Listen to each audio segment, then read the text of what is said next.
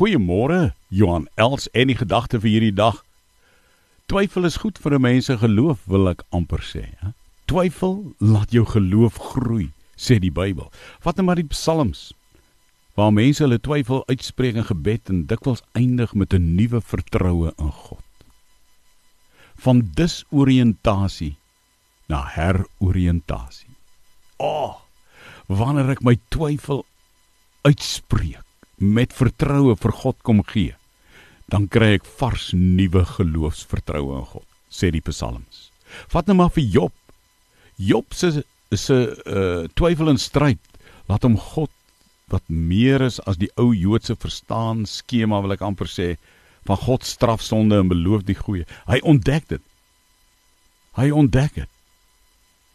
Dat dat twyfel ek kan maar my vra vir God vra op die ashoop van die lewe as ek soos Job my seer sweer sere met potskerwe krap.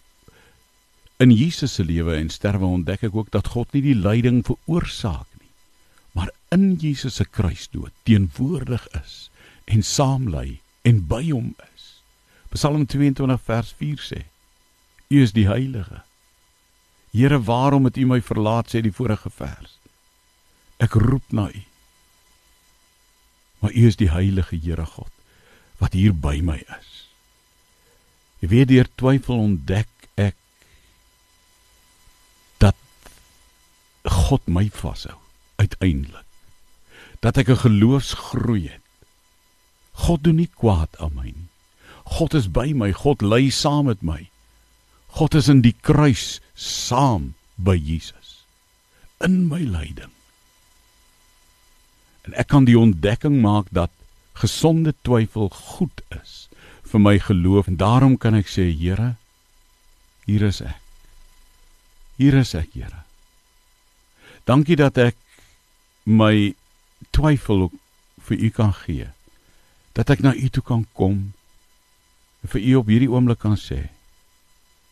Dankie vir die geloofsdiepte waarin U my lei. Al verstaan ek nie alles nie.